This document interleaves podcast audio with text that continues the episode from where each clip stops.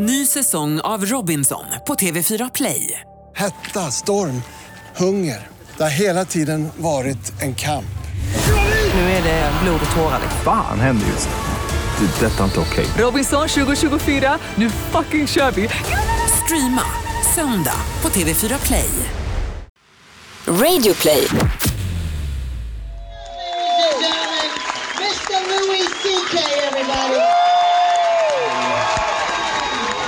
So, uh, what kind of a year did you guys have?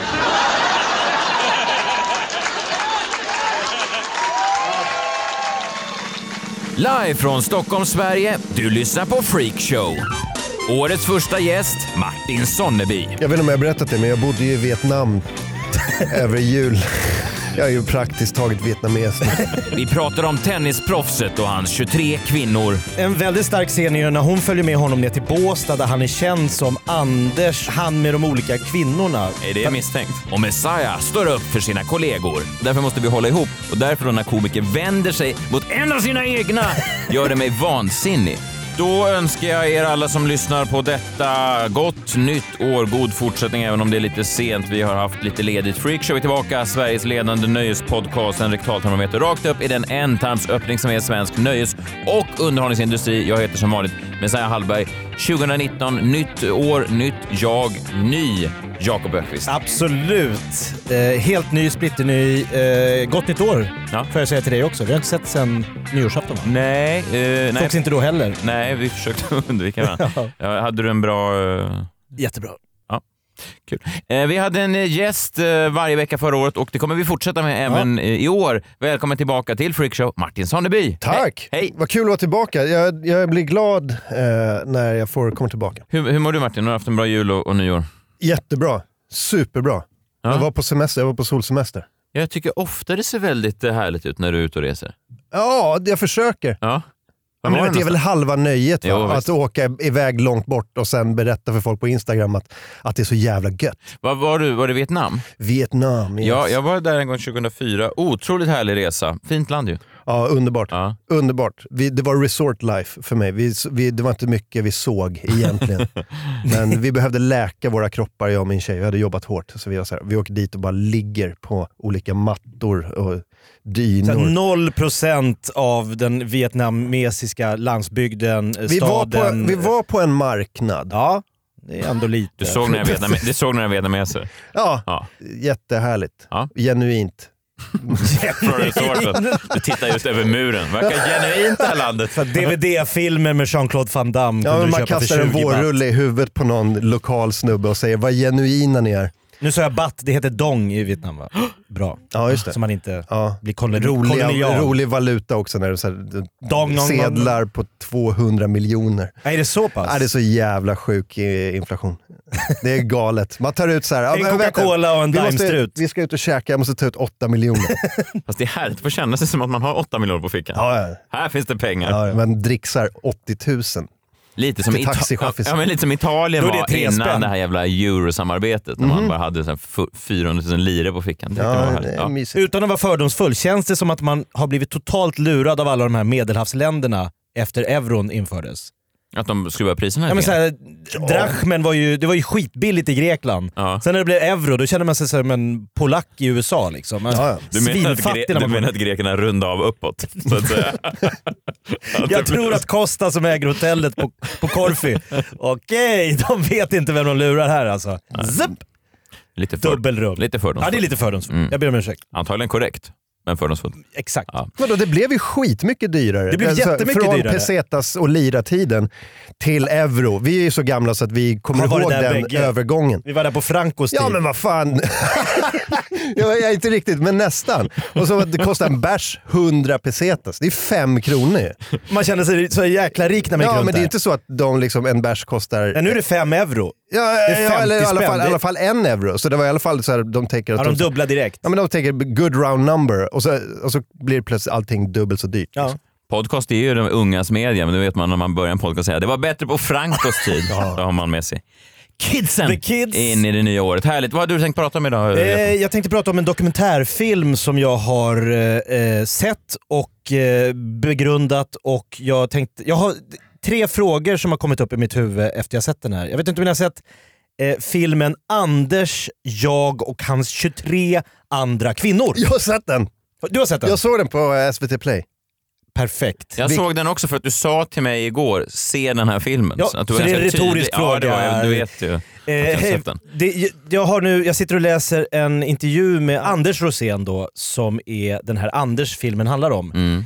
Det handlar alltså om Nahid Persson som är en dokumentärfilmare. En av, ska man säga, en otroligt hyllad eh, dokumentärfilmare som har gjort, Verkligen. som är liksom verkligen omhuldad av någon slags kulturetablissemang. Så det är ingen, eh, det är ingen doofus som har eh, filmat Nej, Det är den. inte hennes första film. Nej, exakt. Eh, vad vad har hon gjort? Jag, jag vet inte så mycket om henne. Bakom slöjan tror jag om prostitution i Iran bland annat. Den känner jag till. Som har typ sänds över hela världen. Ja, alltså, jag har hört namnet. Megasuccé. Eh, men hon, Nahid då, här, eh, själva dokumentärfilmen handlar om Nahid Persson, 58, som träffar tennisproffset Anders Rosén, 50, via Tinder och blir blixtförälskad. Vänta, backa här nu. Ja, jag backar Jag, gärna. jag blir provocerad av att han tituleras tennisproffs.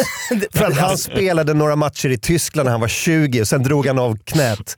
Drog korsbandet. Och sen dess har han inte varit... Han, pro är väl ett eh, ord va? Tennisproffset Anders Rosén. Nej men vad fan, det- han är Va? inte det! 50 också. Jag är fotbollsstjärnan för att jag vann uh, Sankt Erikscupens skytteliga 96. Det borde du Fotbollsproffset kunna- Messiah Hallberg. Ex, Ja. uh, what- the fuck? Nej men han lever ju på tennis. Ja, Ja, han står i. Salkallen och spelar liksom det var ju en scen när tillbaks. han, när när han bollar med sexåringar. Liksom. Ja men sen åker han ju ner ibland och kör lite så här veterantennis nu. Vet du vad? Jag, Fortfarande inget proffs! Jag asprovocerad av det. jag, vet du vad? jag tror att de här tennisspelarna lever väldigt mycket på, uh, tennistränarna lever mycket på gamla meriter. För jag, jag spelar tennis med min son nu på en stor hall här i, i, i Stockholm. Och då finns det sådana tavlor där alla de här tennistränarna försöker kränga in sina kurser till barn, ungdomar och, och andra. Ah, det är det de lever på. ja, och då har en av dem skrivit så här, ja men då också tennisproffset Jan, eh, någon gammal eh, tjeckisk eh, proffsspelare då. Ja, och så, spelade på 70-talet bland annat mot, och så är det inom citationstecken, Björn Borg. Vilket är så jävla mindfuck. Spelar han mot en Björn Borg-imitatör? Eller spelar han mot Eller bara Björn... en, en, en snubbe som råkade också heta Björn Borg. Ja, men förstår du, det sätter Alltså, ju det är allt på spel. Det är imponerande att säga Ingen kan ju dubbelkolla om det stämmer. Nej men det är imponerande att skriva att han spelar mot Björn Borg, men när det blir inom citationstecken Ja, så då är det svårt att förstå. Man vet inte vad han menar. Typ någon som Björn Borg. citat, citat spelade, citat mot, citat Björn Borg. Citat Jan. Man vet inte vad fan man ska...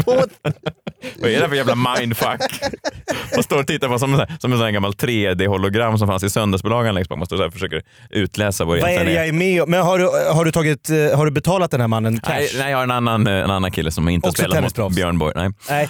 Nej. Eh, Anders i alla fall, han är inte tennisproffs, han är möjligen tennisinstruktör, men jag skulle säga fritidsledare. Ah, vänta lite Alltså, här. Jag skulle säga fritidsledare. Bakom den perfekta ytan, What? alltså tennisproffs, solbränd, härlig, blond, så döljer sig ett mörker.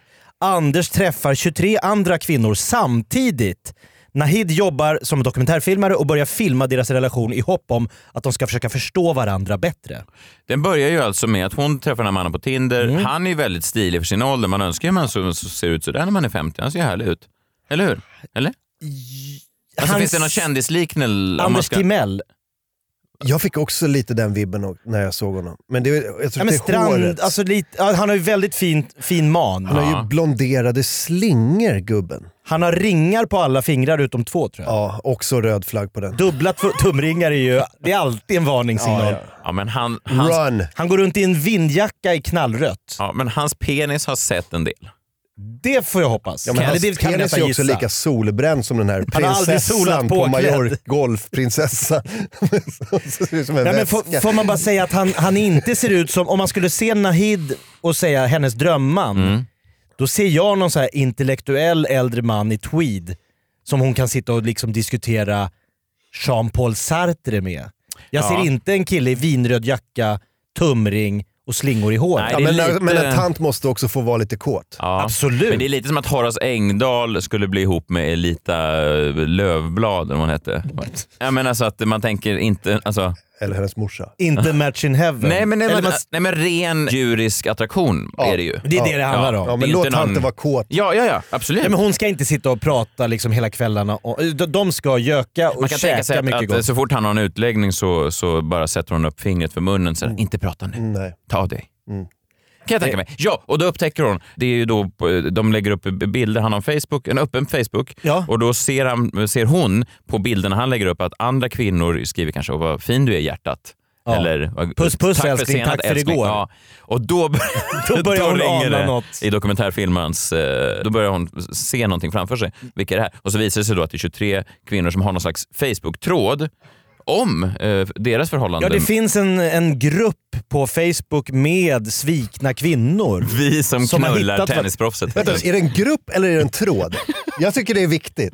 Ja, det är viktigt. Jag, fick- jag fick uppfattningen att det var en tråd. För att en grupp Att man- måste man- du väl bli inbjuden att gå med? Ja, och, att, och den är så här dold och jävlar och där kan man ju lägga upp bild. Alltså det, alltså det är en Ja, helt. Ja, annan infrastruktur i Men en hur grupp. fungerar en tråd? Nej, men det, det är bara att man Mailtråd. taggar in som en eh, Facebook men den är öppen då? Messenger. Liksom. Jag tror det är en grupp. Men du menar 23 Det är medlemmar? inte en öppen grupp. vi, vi som blev blåsta av Tennis-Anders. Ja, men i alla fall, de hade en dialog och så avvisade Okej. sig då. Och där tar, filmen, Nej, men- där tar filmen avstamp. Då säger hon så här: jag förstår inte hur, hur du kan hålla på så här. Du sviker mig, du sviker alla andra kvinnor. Jag vill filma och se, jag tror hon påstår att liksom, kan vi hitta tillbaka till varandra? Mm. Men, men, men då, via då en dokumentärfilm. Mm. Och han är så här, jajamensan, jag ångrar alla de här 23 kvinnorna. Jag har levt ett sånt här liv sedan jag var 20. Det är svårt att bryta mönster, men nu satsar vi. Sen åker de hem till några vänner, käkar en middag och säger att de bästa kommer att boka kyrka. Han ristar in A-hjärtar, en i någon björk och man förstår att det kanske kan bli något där. Ja, men han hade tydligen lovat någon av de andra kvinnorna att de skulle gifta sig bara någon vecka tidigare. Alltså han, också. nej, det var det var en annan kvinna tror jag som han skulle gifta sig med. Det här var, alltså han kör många olika bollar samtidigt. De har kommit till olika nivå också, tror jag, relationerna. Några kanske pratar om barn, några kanske pratar om... Alltså Han- att, Ja, han han, fick, hade ju en, han hade ju en uppslagsbok där han försökte i någon slags Excel-ark eh, hålla isär de här. Alltså det stod så här, Maria, trevlig, pratar lite mycket, ska gifta mig på lördag. Alltså, alltså, alltså, alltså, det var ju så...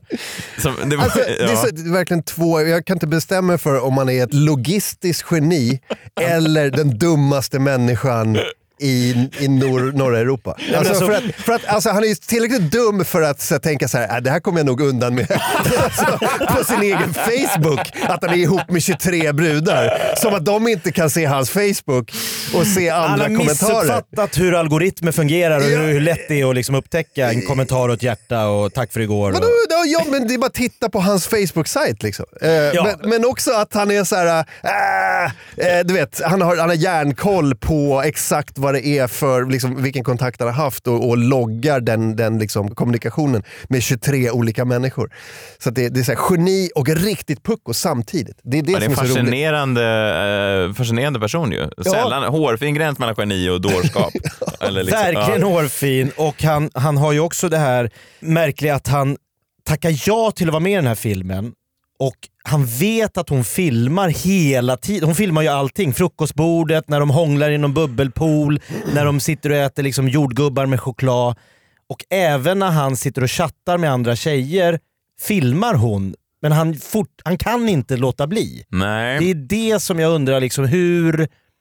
Han måste ju förstå att hon kan backa den här kameran och kolla vad som har hänt när hon går på toaletten. Han blev också väldigt indignerad när hon ifrågasatte. Nu sitter du. Nej, där får du be om ursäkt. får Det du skulle jag ursäkt. aldrig. Det där vill jag Sitter tillbaka. du och chattar med en tjej där? Jag såg ju det. Nej, nej, nej, nej. Det gjorde jag inte. Stänger av mobilen, lägger den under soffdynan.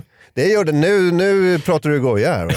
Oh. Nu har du gått över Ja, en men vi, gräns. visa telefonen då. En väldigt stark scen är ju när hon följer med honom ner till Båstad där han är känd som Anders och eh, han med de olika kvinnorna kallas han där. Han är Anders med de olika kvinnorna. Är det misstänkt? I Båstad är han känd som Tennis-Anders som alltid hänger ihop med nya kvinnor. Långt smeknamn. Man kan ju se Alltså, alltså man kommer, Tänk jag kommer du åker ner med din fru. Nu är det lite speciellt här älskling, för när vi kommer ner här till Båstad, då kallas Just jag inte, Båstad. då kallas jag inte Jakob eller Jakob, då kallas jag Jakob för han med alla de här kvinnorna. Det är en liten grej, det är inget du Det är en behöver... gimmick de har. De har, de har släppt det här med tennisproffs. Alla är tennis här nere. Måste ha ett annat Anders. Om, om, min, eh, om min kompis skulle presentera eh, någon för mig som, är, som kallas för Mördar-Jocke, då skulle jag bli lite så här, ah, jag Varför vet, kallas finns, du det? Det finns någonting här. Ska mörda-Jocke med ut och verkligen ska han med på den här campingen i helgen? Ja men precis. Ska han, Där vi inte har någon täckning på telefon. ska han med, med till den här sommarstugan? Den där lilla ensliga just. Ja, ja precis, vid Du, sjön. du vet att jag älskar Jocke, men jag har faktiskt aldrig frågat dig. Det här smeknamnet han har, prefixet, var Jag kom har inte ens tänkt på det. Fyra år har vi känt karln nu. Nej men då, då visar det sig att det är en kvinna här i Båstad som har haft en fling med Anders bara några för några veckor sedan. Han har varit där nere under tiden han är ihop med Nahid, haft en dejt. Hon tar kameran, åker till den här kvinnan och intervjuar henne. Vi ska höra hur det låter när den här andra kvinnan då, som har legat med Nahids pojkvän berättar hur Anders är. Jag tror, när jag träffade Anders så gick vi runt i hans hus som han bodde i i Båstad. Och han började prata om hans intresse för Islands hästar. Eh, och då kände jag sån längtan efter hästar igen. Så alltså Anders gjorde att du köpte en häst? Ja, Det där är ju en annan effekt den här Anders har, att han kan påverka folk. Han kan sälja in vad fan Ja, som helst. det är en jävla toppsäljare. Så bara, Ja, "Ja, det är han. Du ska... Fan, det, det är asjobbigt att ha häst, men Anders bara, fan, islandshästar, vilken grej va? Hon bara, såld, jag köper en häst.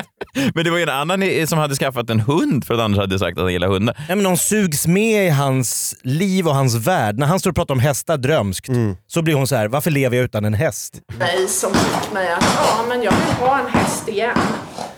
Arg? Ja, vill ha sin mat. Saté, kom. Ja.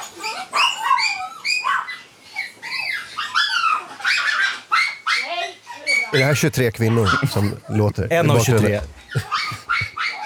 Och nu filmar han då sängen som de har legat Ja, hon blir Vi hade en jättebra helg när han var här. Och då tog han med mig till en trevlig restaurang på torget. Och jag fick välja vin, valde ut något chablisvin och givetvis så så var det ett utmärkt val. Jag blev ju, fick ju komplimanger för att jag valde ut så gott vin.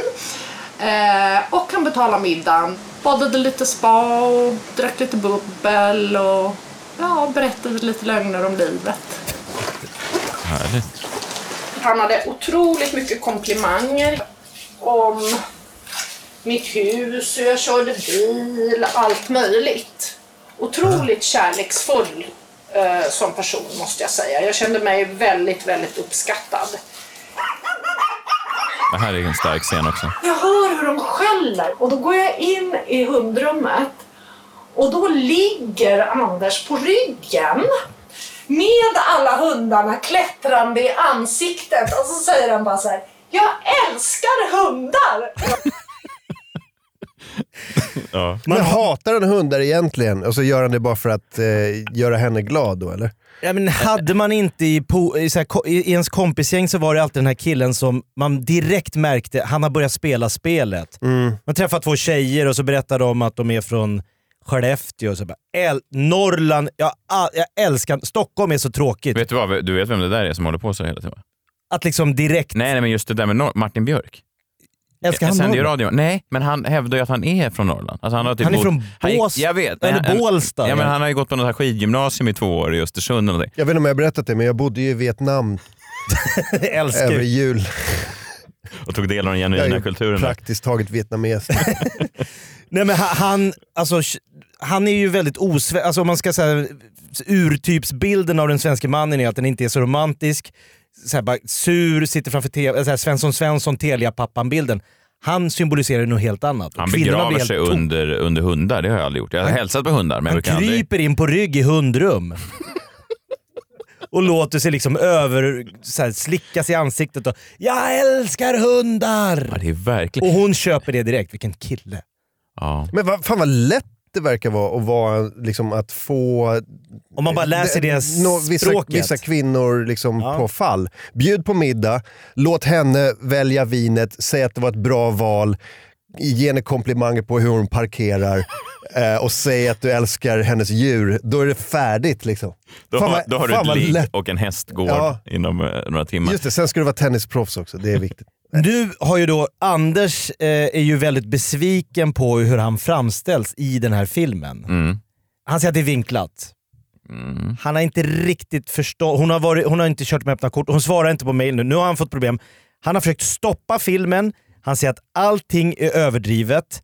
Eh, han har konfronterat henne och eh, hon vägrar att ha kontakt med honom. Han har också blivit av med sitt jobb och blivit misshandlad av ofrämmande människor som har misshandlat honom så hårt så att han har brutit två revben. Va, va, va, vänta nu, vad fan, va? Efter filmen har släppts Nej! så har folk blivit så uppjagade över vilket svin han är. Mot, så att de har liksom sökt upp tennisproffset Anders och Ja. spöat på Ja. honom. Det är ju en vändning som inte är så... Också intressant vem som Har tar den rollen. Jag tar den här. Han ska ha spö. Ja. Ja. Någon snubbe som sitter och... Eller det är Du har snubbe. varit ett sånt jävla svin. Och mot, de, här, de här förtjänar inte det här. Konstig snubbe. Ja, För jag misstänker ja. att det är en snubbe. Ja, om man nu ska spöa om man ska välja att spöa en människa. Ja, i Det Sverige. finns, det, det finns ju jättemånga som ligger överst på, över Nej, på men det- listan. En, en, en douchig snubbe. Det måste ju vara kvinnor som har spöat honom. Men Menar du att det går ett kvinnogäng? Ja, men jag, Eller en finns det någon man som skulle säga så där beter man sig inte mot kvinnor. Ja, man ligger det. inte runt. Jag ska åka till Salkhallen i, i, i Alvik, leta upp den här snubben. Sitta ute på parkeringen och bara Det vänta. Sitta och så här, jaga upp sig själv i bilen. Ja, den jävel som... Ja, men det är som du säger, det finns ju andra att vara arg på utom liksom slemhögen. Eller liksom, Han är inte Sveriges skurk nummer ett. Nej, det är han inte. Men alltså, man ska, vara- han har ju heller inte begått... Alltså, man ser den här. Jag fick väldigt ont i magen av att se det, för det, den är, det är mörk. Alltså, det är ju hennes förhoppning. hon är så kär. Hon är så kär. Hennes förhoppning... Ja, Ja, viktig det, skillnad. också, det också. Hon, men det ser man på henne. Hon är väldigt betuttad i honom. Man ser hans ångest, alltså när han sitter och genomgår det här vanliga Svensson. Han får ju panik så fort det är något Svensson. Så fort de äter frukost tillsammans, så fort han måste sitta och liksom göra det här tråkiga. Han är då vill han krypa ur sin ja, kropp. Han är ju en kicksökare. Det är till och med någon scen när han har då sovit över hos henne eh, där hon hittar sen då eh, fönstret öppet eh, på, på morgonen. Så ett fönster öppnat och då frågar hon Anders, försök, försökte du öppna ett fönster och hoppa ut för att komma undan vår relation i natten? Och han bara, Ja, ja, nästan. kanske. Okej. Det är också ett varningstecken. Alltså Ja. när, när en man liksom öppnar Han har ju troligtvis krypit ut, åkt iväg och gökat och kommit tillbaks. Kanske. Det är så jag tolkar det. Sen är han ju också, ska man ju vara också tydlig med, han är ju en sexmissbrukare, kärleksmissbrukare av något slag. Alltså det där är ju en, Han har fastnat i en loop. ja, men det är ett beroende som är väldigt starkt. Det finns ju väldigt många som, man kan ju skoja om den typen av beroende och säga så här, "Ha, är det problem att ligga med mycket kvinnor? Men det är ju ganska eh, svårt att bryta den där typen av kicksökande.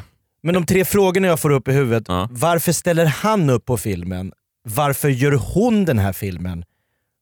Och den tredje frågan, Varför ser vi varför ser, pratar vi, varför pratar vi om den här filmen? Ja, men det, alltså jag förstår inte vad de... Hon ser ju såklart en oerhört spännande story. Det är inte ens säkert, eller är det det att hon är så fruktansvärt kär i den här mannen? Kåt. Alltså, Kåt. Vi, vi måste... Ja, men, tänk, ja, men tror du verkligen, alltså alla hennes vänner, hennes dotter, hennes son säger så här: släpp honom. Är du fortfarande ihop med? Hon sitter ju och har på högtalartelefon när han sitter bredvid och de berättar för henne på persiska är du ihop med den här idioten? Lämna den där galningen, han är ett äckel. Han bara det ler fattar här. du. Vad pratar ni om? Mat! Mat. Alltid Perser mat. pratar alltid mat. Om hummus. Mhm, Jag gillar hummus. Ingen tycker att hon ska kliva vidare. Hennes bästa väninna sitter är du- nej, nej, nej, nej, nej, varningsklocka, varningsklocka, lämna, lämna, lämna. Hon fortsätter ju för att det är en spännande story. Ja, men Ja. hon är dokumentärfilmare. Det är Ja. det hon gör. Det är samma sak som jag var med om en eh, jobbig grej förra året som blev en svinbra stand-up-rutin. En stand-up-anekdot. Det, var ju- finns någonting att göra Ja, av men det, det. fan, det, det första jag tänkte var så här, det första jag tänkte var fan vad jobbigt. Det andra jag tänkte var det här är skitbra material. Ja. Samma sak med en dokumentärfilmare tror jag. Ser man en story då, då tar man den bollen och springer med den. Och han har ju såklart dejtat som Messiah säger, han har ju varit, han har hållit på så här hur länge som helst. Mm. Haft massa tjejer hela tiden. Det här är bara en av 23. Mm. Han en är, gör en dokumentärfilm, en har massa hundar i Båstad, en, alltså det är, bara, det är ingen jättegrej för undrar honom. vad han har skrivit om henne i, i eh, Excel-arket. Ja just det. Alltså, hon, hon- verkar tycka om mig. Väldigt påstridig med kameran, Ja. står det. Kam, släppa älskar kameror. Han är inte medveten om att hon gör en dokumentär som ska gå på SVT. Hon bara tänker, vad, vad, Folkets bio. vilken stor mobil du har. Kan du inte lägga ner den? Vad gör man inte för att få knulla, har han tänkt i ett och ett halvt år. Rullar det? Hon är lite kinky den här Nahid.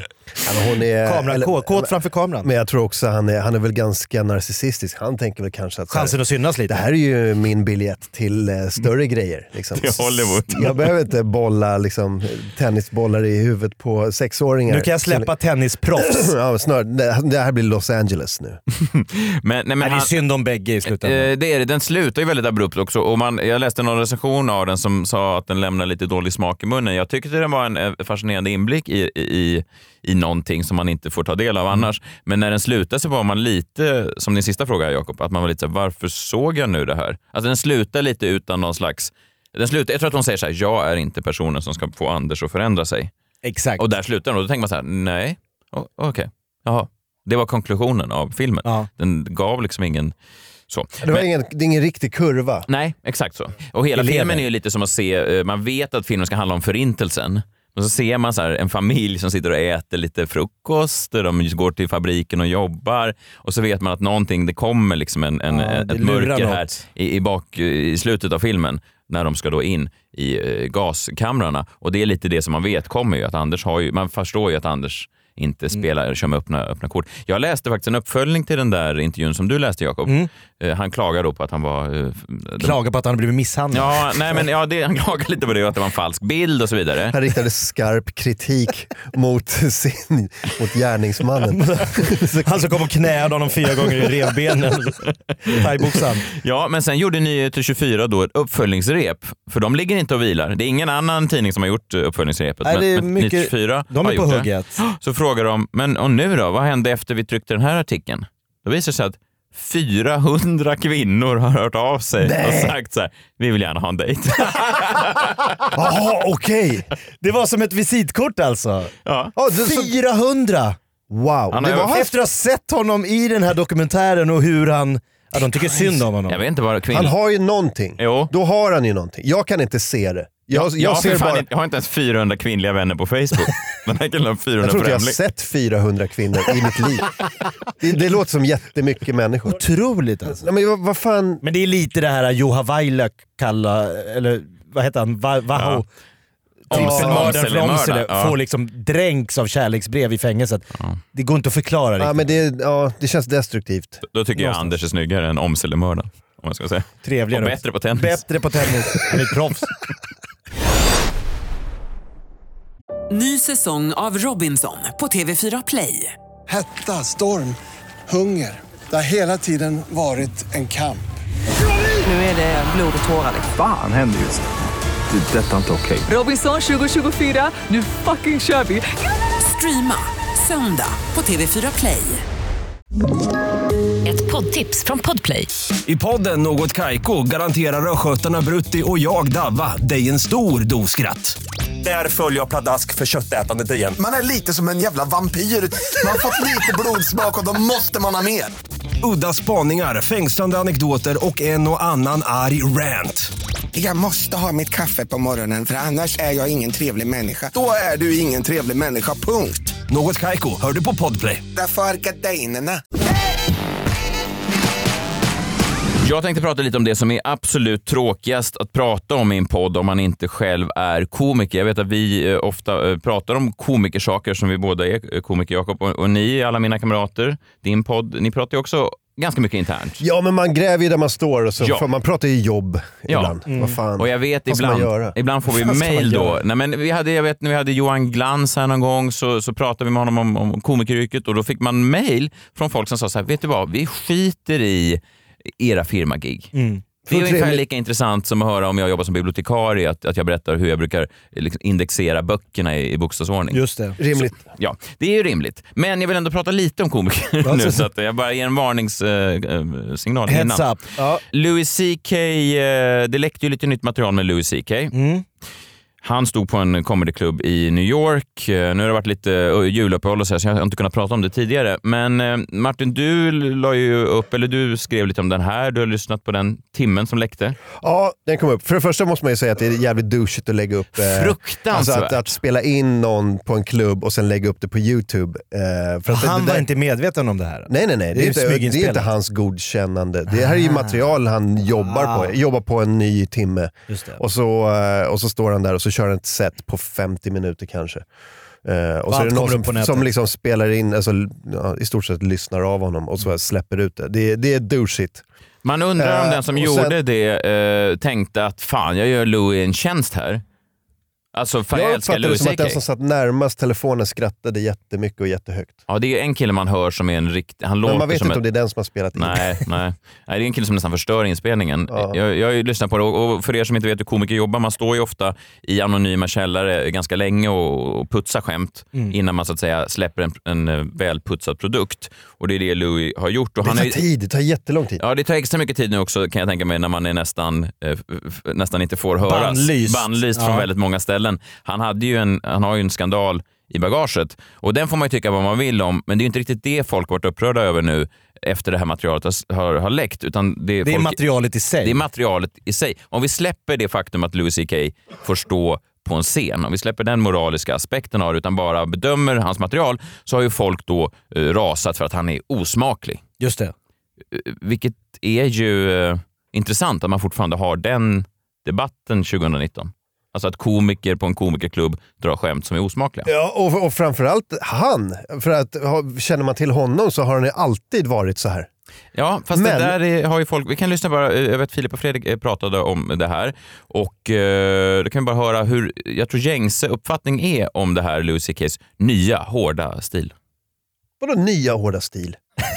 det, är, det är väl ingen ny hård stil? Lyssna, det här är hårt. Jag vet, men det, du- det man också kan förklara det där som är att han tänker okej, nu ska jag tappa in i en ny publik som finns där ute som tycker att PK-världen har gått för långt, som kanske då är väldigt högerlutande och som tycker liksom att freedom of speech är allt. Och de människorna har kanske inte brytt sig om mig tidigare. Min gamla crowd är nu helt borta. Jag måste, eller många av dem kommer aldrig förlåta mig för det här och jag, de, i i deras ögon är jag ju nu en dålig snubbe, därför funkar inte de här skämten. Därför får jag gå ännu längre så att säga inom citattecken högerut, blåsa på ännu mer med freedom of speech, olämpliga saker. För den där publiken finns också och den har jag liksom inte kunnat nå tidigare, men det är kanske dem jag ska nå nu. Och det där är ju eh, dumheter. Jag, jag fattar inte riktigt vad, vad, vad betyder det där? Nej, alltså, nej, betyder det att han, han, har, han har gjort ännu värre, han gör värre skämt nu? Ja. För, För att hitta en ny publik.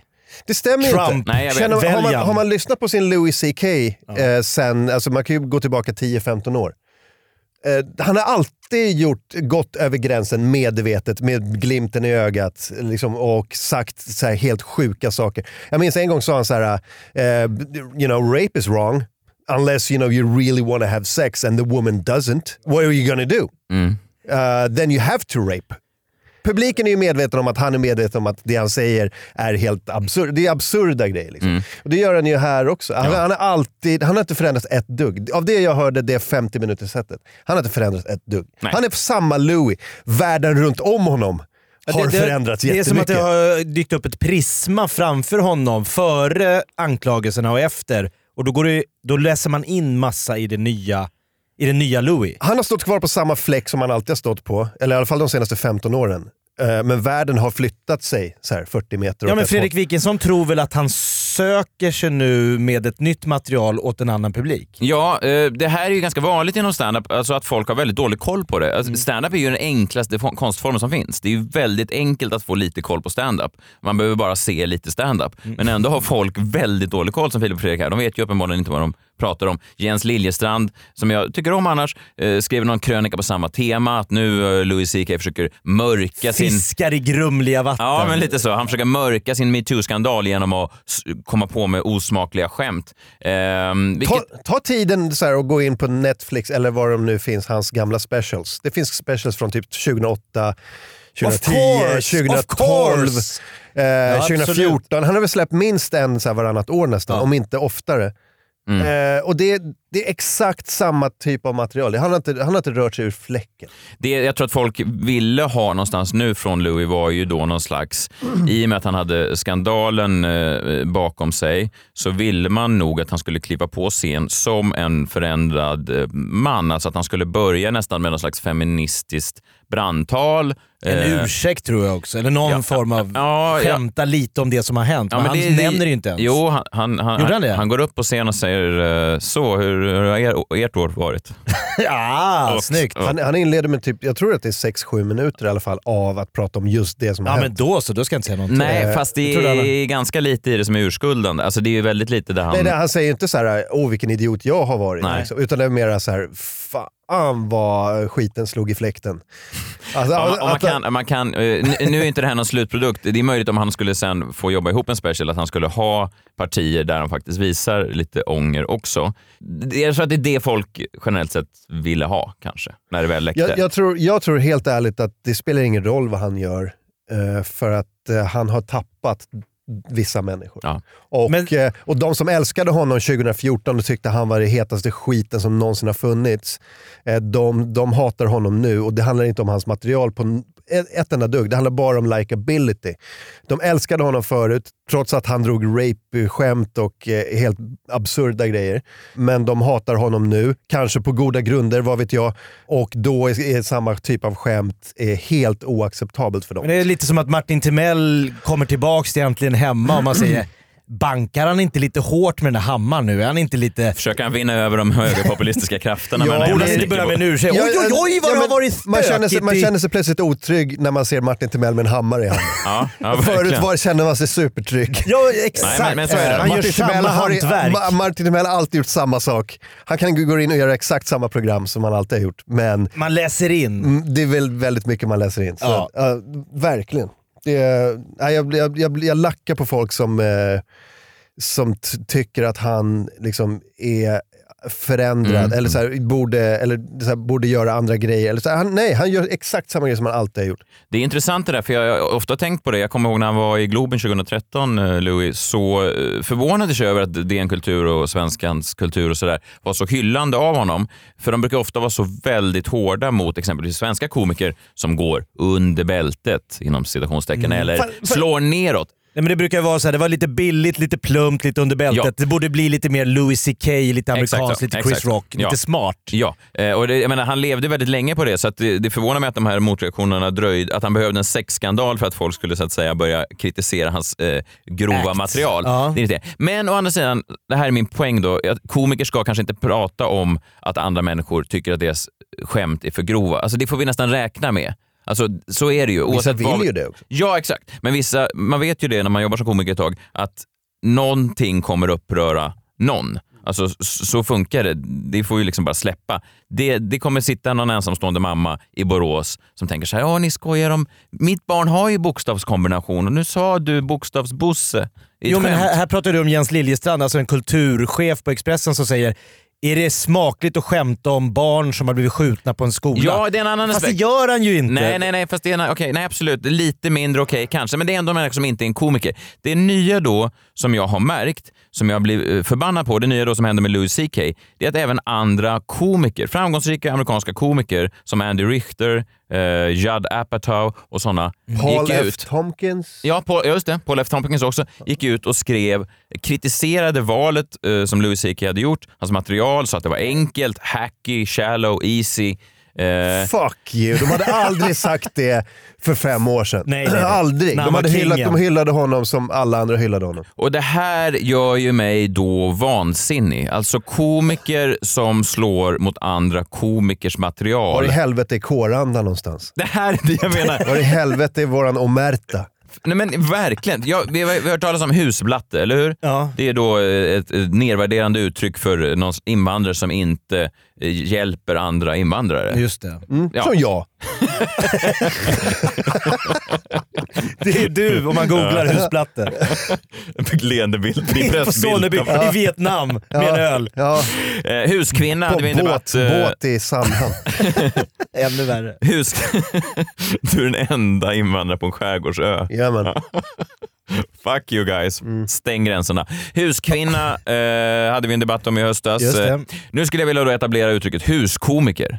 Det här är ju människor som försöker vinna någon jävla populistiskt stöd från folket för att de ser en våg som de kan haka på. Mm. Folk som har gynnats av folks förmåga att se humor där det egent- egentligen inte finns humor använder nu det för att vinna, liksom, få vind i seglen från dumma jävla människor som bara står där och, och hejar på utan att veta egentligen var, varför de hejar på. Sant, det är, det är något helt nytt faktiskt. Ja, jag avskyr de här människorna. Jag såg Judd Apatow, han då kritiserade Louis CK för att det var shallow och hacky. Jag såg Judds eh, timme stand-up. Det var fan de mest billiga mans och kvinnoperspektiven jag någonsin har hört. Absolut. Simpla jävla skitskämt och det, det, det gör mig vansinnig. Ja, men det, men det, det, får mig också, att- alltså det, det understryker ju eh, ännu mer tydligt att det, det handlar aldrig om skämten.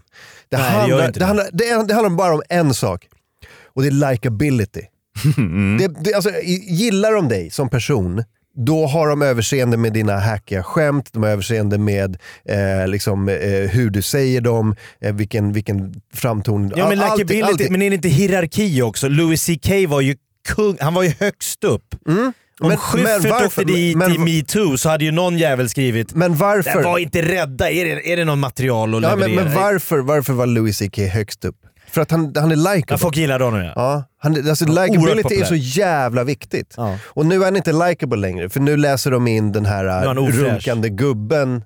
Vilket eh, är, jag måste säga, att när man tittar på hans gamla material nu om just eh, kvinnligt och manligt och onani och sådär, man Mm. får ju en annan bild. Även jag som är ett superfan tycker att så här, mm, Han har ju skämtat mycket om onani, vilket då i, nu i efterhand blir så här, hmm, Mm. han, var, han öppnade upp och berättade om nästan vad han höll på med. Ja, och då var det mera så här, fan vad skön han är. Mm. Fan, vad, fan vad mysig. Han, han kan prata om Han det är här. som oss. Ja, men det är lite som James Gandolfini eh, som spelade Tony Soprano. Mm. Som, Tony Soprano var ju en psykotisk mördare. Det är inget snack om det. Liksom. Han, var- han var ju sjuk i huvudet. Liksom. Men man hejade på Helt Soprano. empatilös. Det måste till en väldigt likable människa för att kunna göra en sån karaktär till någon man hejar på. verkligen. Och, alltså då, och så, här, det, det krävs en väldigt likable människa eh, för att kunna göra sådana skämt som Louis CK säger och få folk att, bara, så här, att, att få DN att stå upp och applådera och Det skriva hyllande kulturartiklar om, Det krävs om ett tennisproffs för att få ligga med 23 brudar, filma detta och få 400 kärleksbrev. Exakt, så likability är så jävla Ja, viktigt. sant. Eh, och han har, han har tappat all den nu. Och då kan de gå på hans hackiga skämt eller vad det nu liksom, vad det än är. Mm. Så min, min poäng är att vi får räkna med som komiker att någon snubbe rasar eller någon, någon kvinna säger så här kan du inte skämta. Du vet. För att vi komiker, eh, vi står bakom andra komiker. Det är vår kåranda. Det händer ju ibland att vi framstår som lätt empatistörda.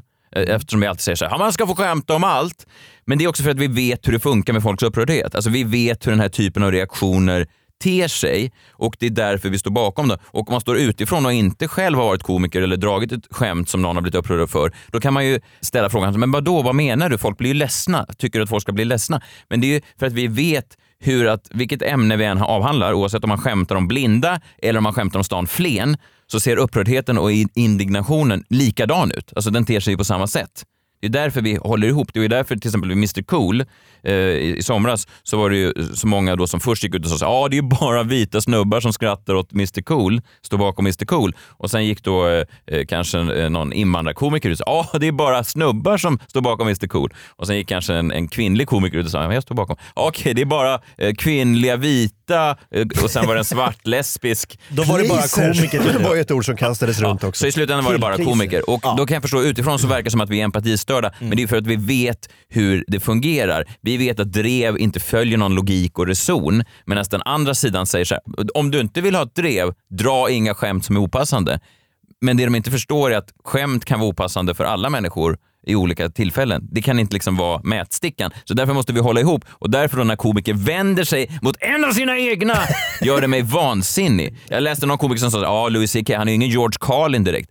Så, George Carlin, han, han drog um, skämt 2001 som sen släpptes förra året för att det var för kontroversiellt. Oj. En special som hette I kind of like it when a lot of people die. Eh, han pratade om eh, katastrofer och skjutningar och sånt där. Han tyckte det var rätt härligt.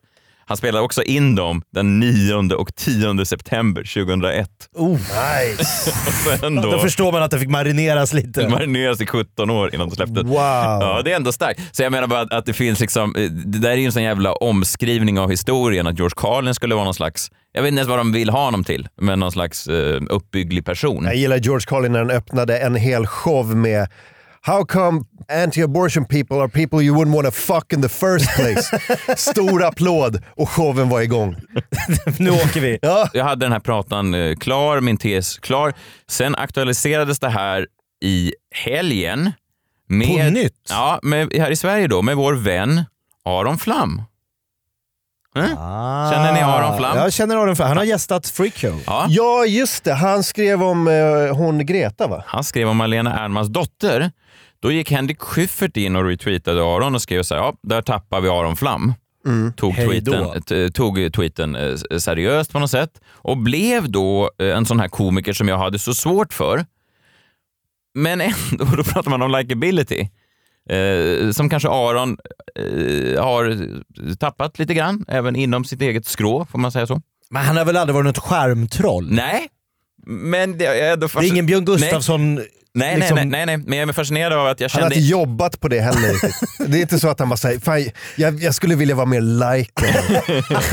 tror Vad ska aldrig- jag göra? Han har aldrig tänkt den tanken. Nej. Nej, men jag, jag tänkte att det var ganska få komiker, om ens någon, förutom kanske Bianca Meijer eller sån där, som gick ut och sa så här, det här, vi står bakom Aron i det här. För många rasade och tyckte att han var smaklös då i sitt skämt. Egentligen på samma sätt som eh, Louis CK när han skämtade om Parkland. Men jag, jag såg inte skämtet. Alltså skämtet jag, jag tycker så här, man kan ju också välja att bara skita i det. Alltså det är en snubbe som, så här, som gapar på Twitter.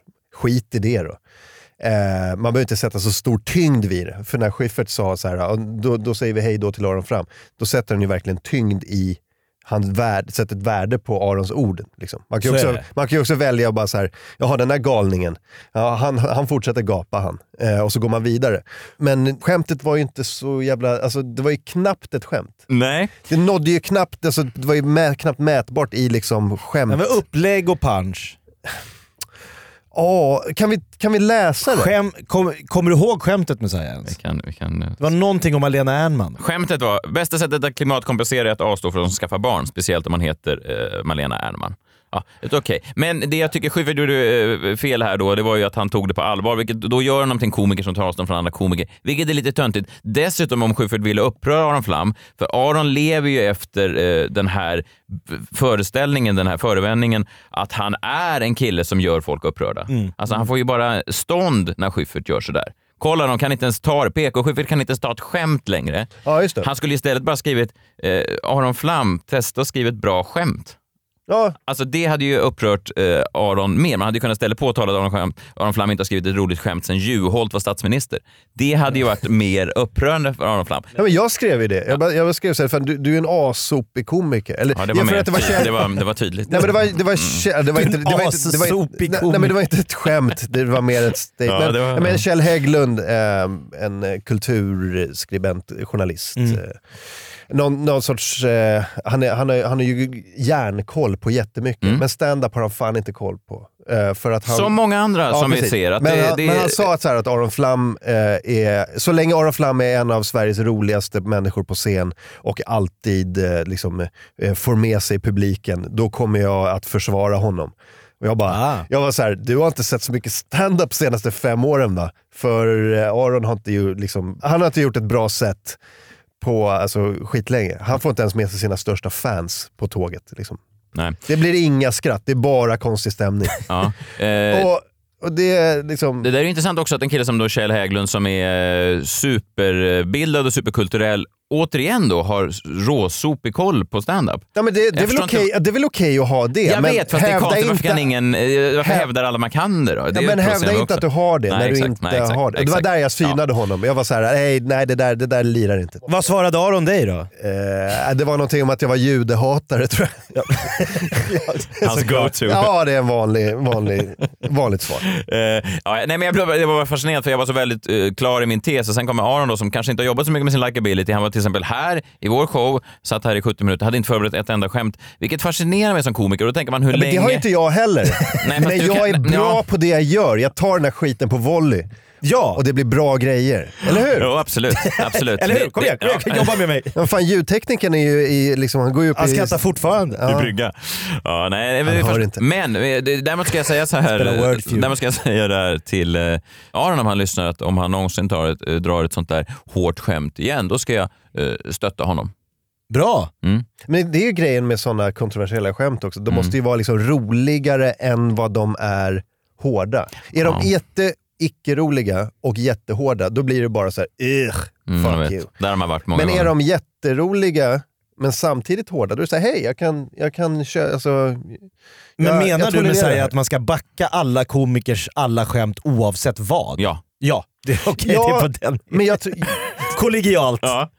Men alltså jag, det jag uppfattade med det här var att det, det inte var så mycket ett skämt. Alltså jag, det var knappt Nej, det är en hårfin, mätbart. nej, det är en hårfin gräns nu mellan, mellan var- komiker slash Det är också vad man någon som gör på skriker Twitter och vad någon Ja. gör på en Ja, men alltså, kan, kommer Jonas Inde undan? Han har Nej, ju ändå vet. varit med i Ja, Killinggänget. vet. han har ju skämtat som fan på, och på riktigt hög nivå, riktigt brett och folkligt på riksnivå. Alltså, Det har han. Han har varit i... äh, SVT och... Ja. Ja, det borde kanske Ja, finnas alltså- någon sån eh, Ska, när, han, säkerhetsplugg. när han gapar så här, om liksom, alltså, Franska öppna eller liksom, Nordiska motståndsrörelsen eller så här, George Soros på Ja, då, Twitter. enligt Messiah så står vi bakom mangrant. Är det, det, det är då ett skämt? Nej, alltså, nej, det är var sant. går... Ja, jag vet, jag har vissa luckor ser jag nu i min, i min nya Ja, filosofi. men jag tycker ändå det är lätt att hålla sig, alltså för mig är det bara tydligt. Ja. Backa allt. Nej, jag, jag, jag är med dig på Ja. att så här, backa en komiker. Sen är ju frågan, så här, är, var det här ett, ett skämt? Ja, jag vet, jag det, vet måste man, det måste man fastställa först. Ja, jag tyckte i alla fall det var fint att du Om- och om- Aron hittade varandra på Twitter. ja, jo. I det här Filip och Fredrik-avsnittet så pratar de om att gasa sig ur krisen. Det är det de hävdar då att Louis CK gör. Mm. Alltså han är i en kris, och så, eller i kurvan, att man liksom gasar sig ur den. Man håller på att slira och så gasar man sig ur den. Ja. Och eh, det vet jag inte om Louis CK gjorde. Någon som däremot gjorde just det, det var ju Bosse Hansson. det får man ändå... What the fuck? Det Den ändå- såg jag inte komma. Nej, det är synd.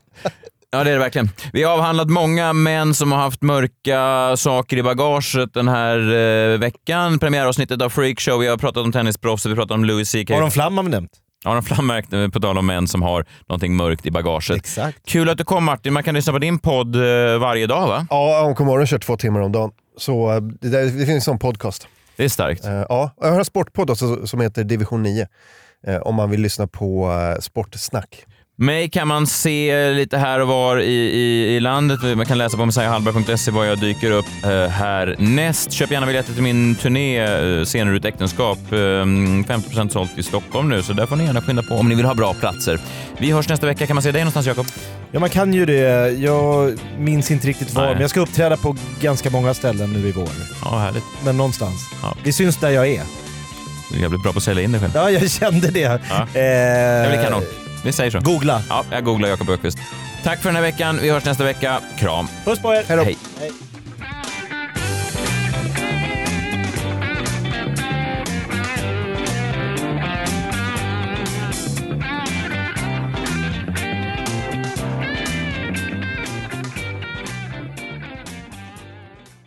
Ny säsong av Robinson på TV4 Play. Hetta, storm, hunger. Det har hela tiden varit en kamp.